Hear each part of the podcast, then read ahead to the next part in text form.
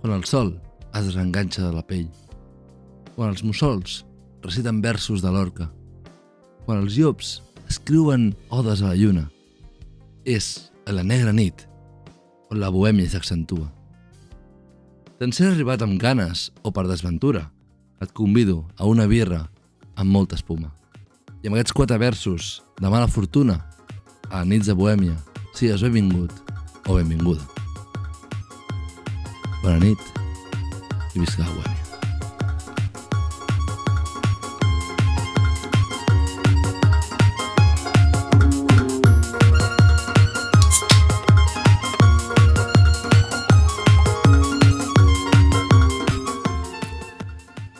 Nits de Bohèmia, amb Guillem Vila Ribas i altres.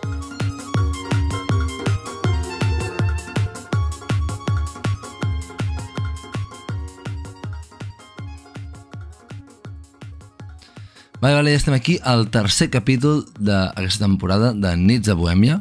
Bona nit a tots i totes. Um, està sent una mica complicat aquest tercer capítol. L'he gravat tres cops ja i en un no funciona el micro, l'altre no s'ha gravat bé. Bueno, coses del directe, suposo. Ara ja espero que aquest sigui l'últim intent que faci i que vagi tot molt bé. No sé ben bé on m'esteu escoltant ara mateix.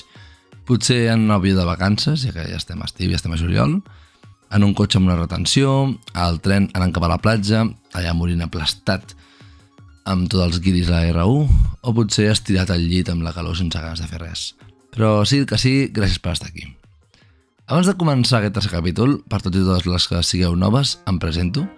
Em dic Guillem Vilarribas, sóc antropòleg de discurs i bohèmia de sentiment. Com vaig comentar al capítol passat, en aquest podcast intentarem recrear les nits de bohèmia que al llarg de la història han unit intel·lectuals, artistes, escriptors, músics, poetes, per debatre sobre l'amor, la bellesa, l'existència en si, el coneixement al desconegut i tota classe d'interrogants, abstractes però palpables en el nostre ser. Avui també servirà una mica per poder transmetre com em sento, realment, en aquests moments en els quals no m'he d'escriure. Aquest capítol ha estat pensat en les petites pauses que m'he donat en aquest estiu intens i enganxifós. Entre dutxa freda i dutxa freda, entre la feina cobrada i la voluntària, entre els plans i altres plans. Petites pauses que s'han convertit en tresors preuats, llavors seques que no treuen fruit, ventalls que apareixen en una bossa per casualitat i et salven la tarda de Calígula. Amb tot això, doncs, he estat romantitzant aquelles hores, amb 10 anys estirats a la tombona d'una piscina, sense fer res, només llegint. I què llegia? Us dono un exemple de coses que llegia que em sembla que transmeten molt també com ens sentim, no? El dia de més calor de tot l'estiu començava a declinar i un silenci somnolient planava sobre les grans cases unifamiliars del carrer Privet. Els cotxes, habitualment nets com una patena, triaven pols abarcats als caminals i els jardins, sempre amb una gespa tan verda, estaven grocs i eixarreïts a causa de les restriccions d'aigua imposades per la sequera. Privats per les seves ocupacions habituals, rentar el cotxe, segar la gespa, els habitants del carrer Privet s'havien refugiat a l'ombra fresca de la seva casa, amb les finestres obertes de bat a bat, esperant inútilment que hi passés una mica d'aire. L'única esperança que hi havia a fora era un adolescent estirat, tapant-se l'aire en un parterre del número 4. Aquest era Harry Potter. És un dels llibres que jo llegia més de petit durant l'època d'estiu i a vegades doncs, hi torno, no? Doncs això, estic com romantitzant aquesta etapa de lectura, de no fer res, de pau i tranquil·litat. L'única cosa que havia de fer era esperar els macarrons que tindria per dinar i el gelat que tindria de postres. I és que l'estiu és un moment complicat ja que et, et, et venen tots aquests records i tens l'esperança, tu portes tot, tot el curs esperant aquest estiu, però quan arriba, com a mínim, la meva experiència personal actual és que continues treballant, continues fent les teves coses, continues tenint obligacions, tens més feines encara, la universitat, la, no tens la universitat però tens altres coses a fer. I doncs crec que també és més complicat doncs, poder equilibrar tant la vida personal, la vida d'oci, els temps per tu el, el temps de feina, el temps d'accions voluntaris, d'accions de projecte, és complicat. I és que aquests mesos m'he sentit com si fos una fulla moguda per les dinàmiques del vent. Fent tot allò que havia de fer, dient que sí a tota la feina que havia de fer, quedant, fent qualsevol esdeveniment que es presentava davant meu. I això no ha fet més que augmentar la xarxa de responsabilitats i de coses a fer dia rere dia, omplint cada espai temporal amb alguna cosa a fer. Com si la meva existència fos un quadre barroc del segle XVII o XVIII, els quals, atemorits per una buidor vital, omplien els espais amb habitacions, verges, sants, objectes i una infinitud de daurades, coses i símbols sense sentit. I és que em sento igual, amb una necessitat imperiosa de produir, de fer, de crear, de quedar, de treballar, d'estudiar i, en definitiva, omplir aquests buits de la meva vida jove, que es percep com a limitada.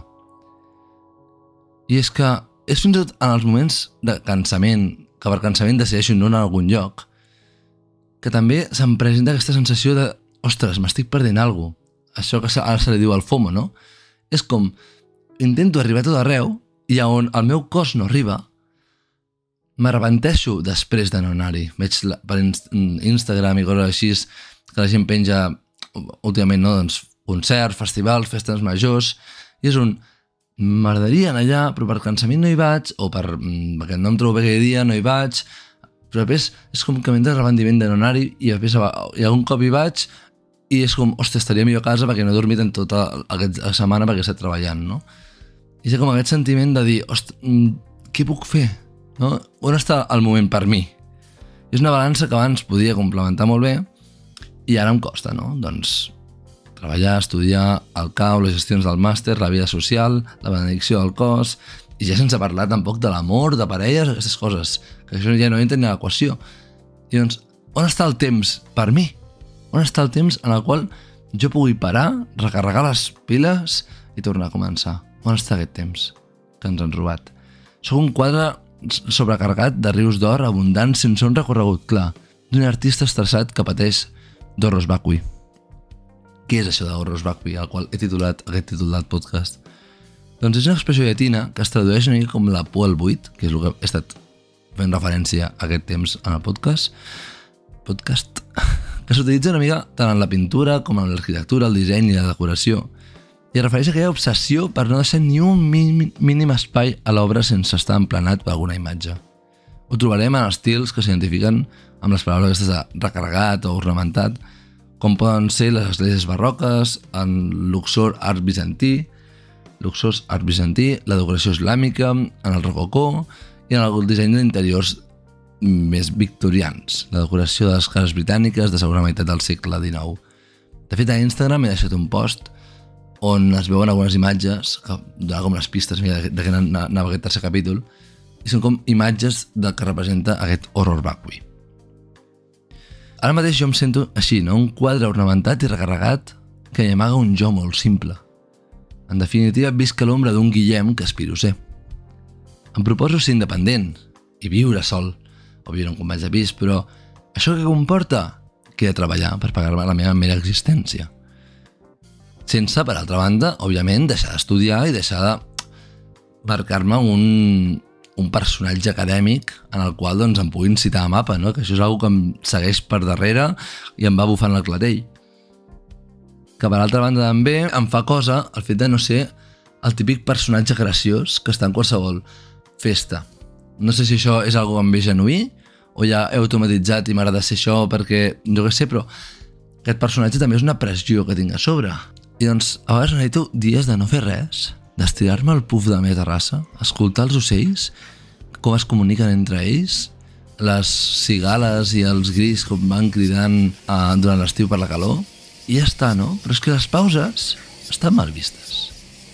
Si poguéssim analitzar el fenomen, el, el fenomen que suposa no fer res en un dia, veuríem segurament com en definitiva tindríem mono a la productivitat. Vull dir, al final què és aquest podcast? Sinó una finestra al qual puc desfogar el meu ego i recobrir-lo amb tot el que vull ser. Una finestra en la qual, doncs, bueno, anem a produir, anem a, anem a fer alguna cosa. Amb el temps, amb el poc temps que tinc de descans, anem a produir alguna cosa perquè els altres gent ho vegi, no? I és que sé que aquest podcast, el capítol d'avui és molt diferent o una mica més diferent als altres, però també és més real, és com m'ho prenc com una carta a mi mateix i a tothom que es trobi en aquesta situació on té mil coses a fer, mil coses pensades i que ja actua a vegades per automatisme, no? bueno, això. De fet, què som els bohemis? Si no, com he dit abans, un sacs de nostàlgia i arrepentiments de tot el que podríem fer, tot el potencial que tenim de coses a fer i que no hem fet.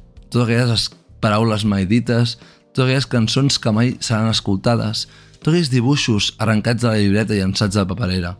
Tot això que podria haver arribat a ser algú, alguna cosa bonica, perfecta o, o artística que l'hem deixat anar i que ens arrepentim d'això. Fins i tot quan paro estic produint. És això també el que m'he donat compte aquests dies.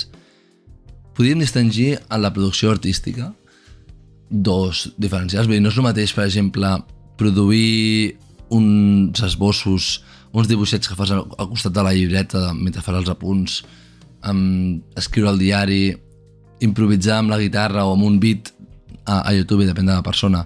Això ho fas més per desfogar-te, per materialitzar els teus pensaments, i és que està bé, jo crec, i no et suposa un desgast físic ni mental. Per altra banda, tindríem, um, suposo que alguns hi poden empatitzar amb això, aquesta producció artística i creativa que suposa que és un projecte, en definitiva. I doncs, uh, el ser un projecte necessita hores, necessita dedicació, necessita motivació, necessita confiança, necessita um, constància, i això suposa una cosa més a afegir en aquest quadre, una habitació més, no? en aquest quadre de, que pateix de Vacui.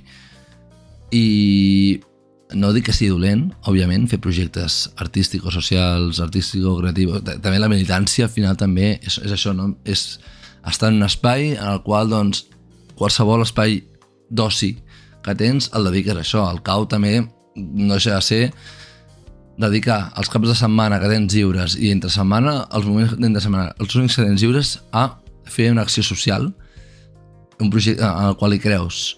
Doncs, el mateix.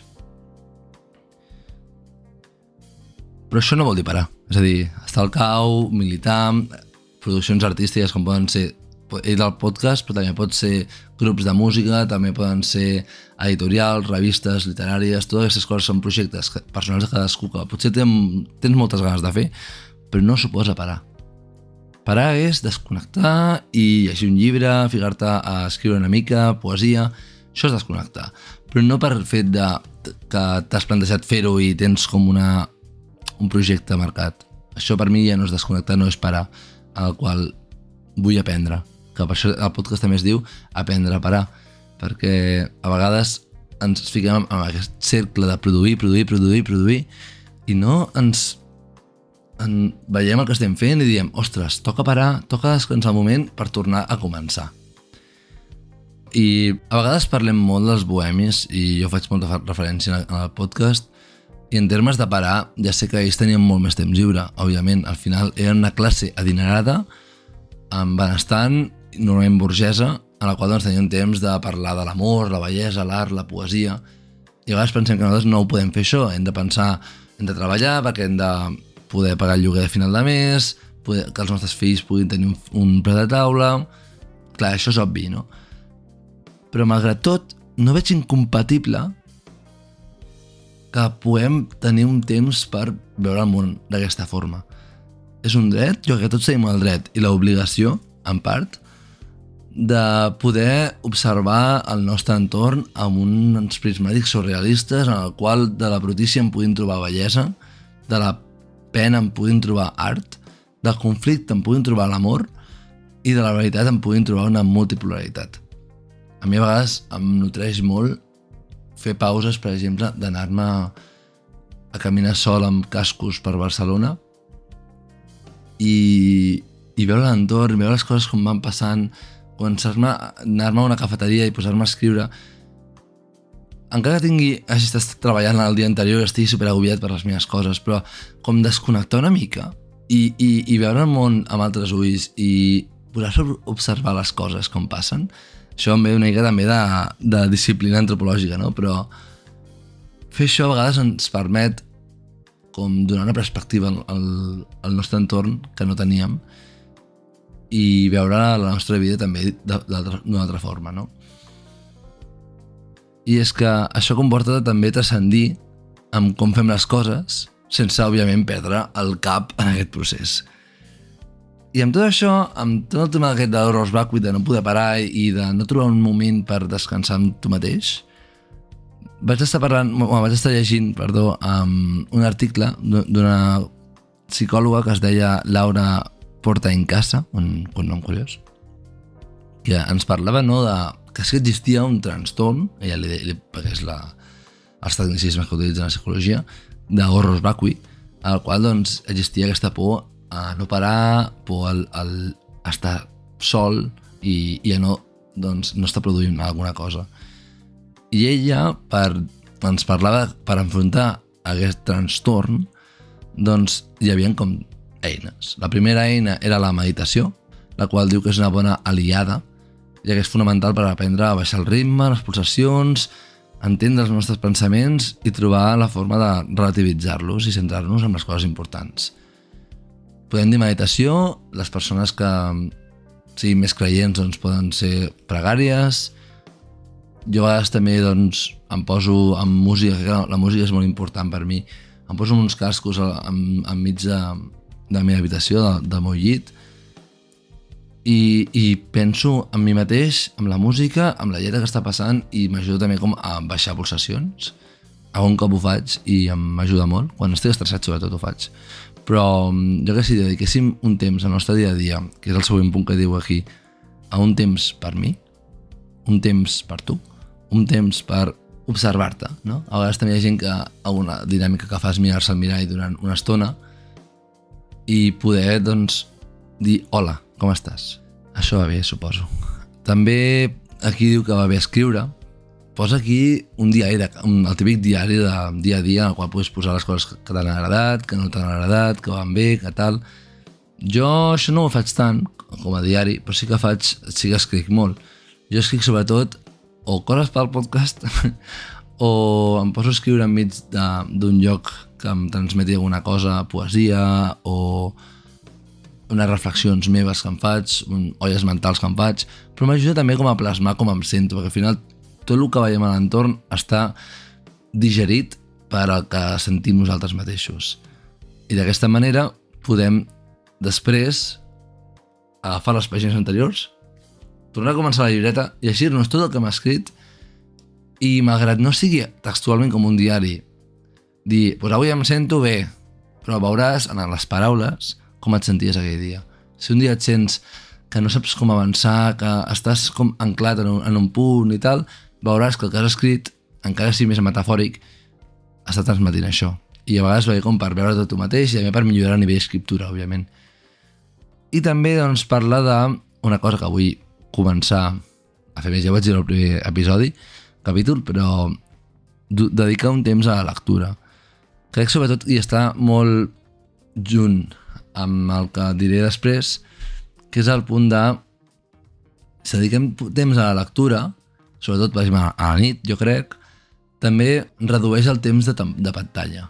Que no vull dir aquí diamonitzar la pantalla, al final el mòbil és una eina que ens pot anar molt bé i no, tampoc la podem ficar aquí com satanitzar, no? Però sí que és veritat que et pot alienar i a més a més de la mateixa manera que et pot alienar, et pot no permetre estar amb tu mateix. Sempre que tinguis un mòbil a la mà podràs parlar amb qualsevol del món. Encara que sigui amb haters de Twitter, sempre podràs parlar amb algú.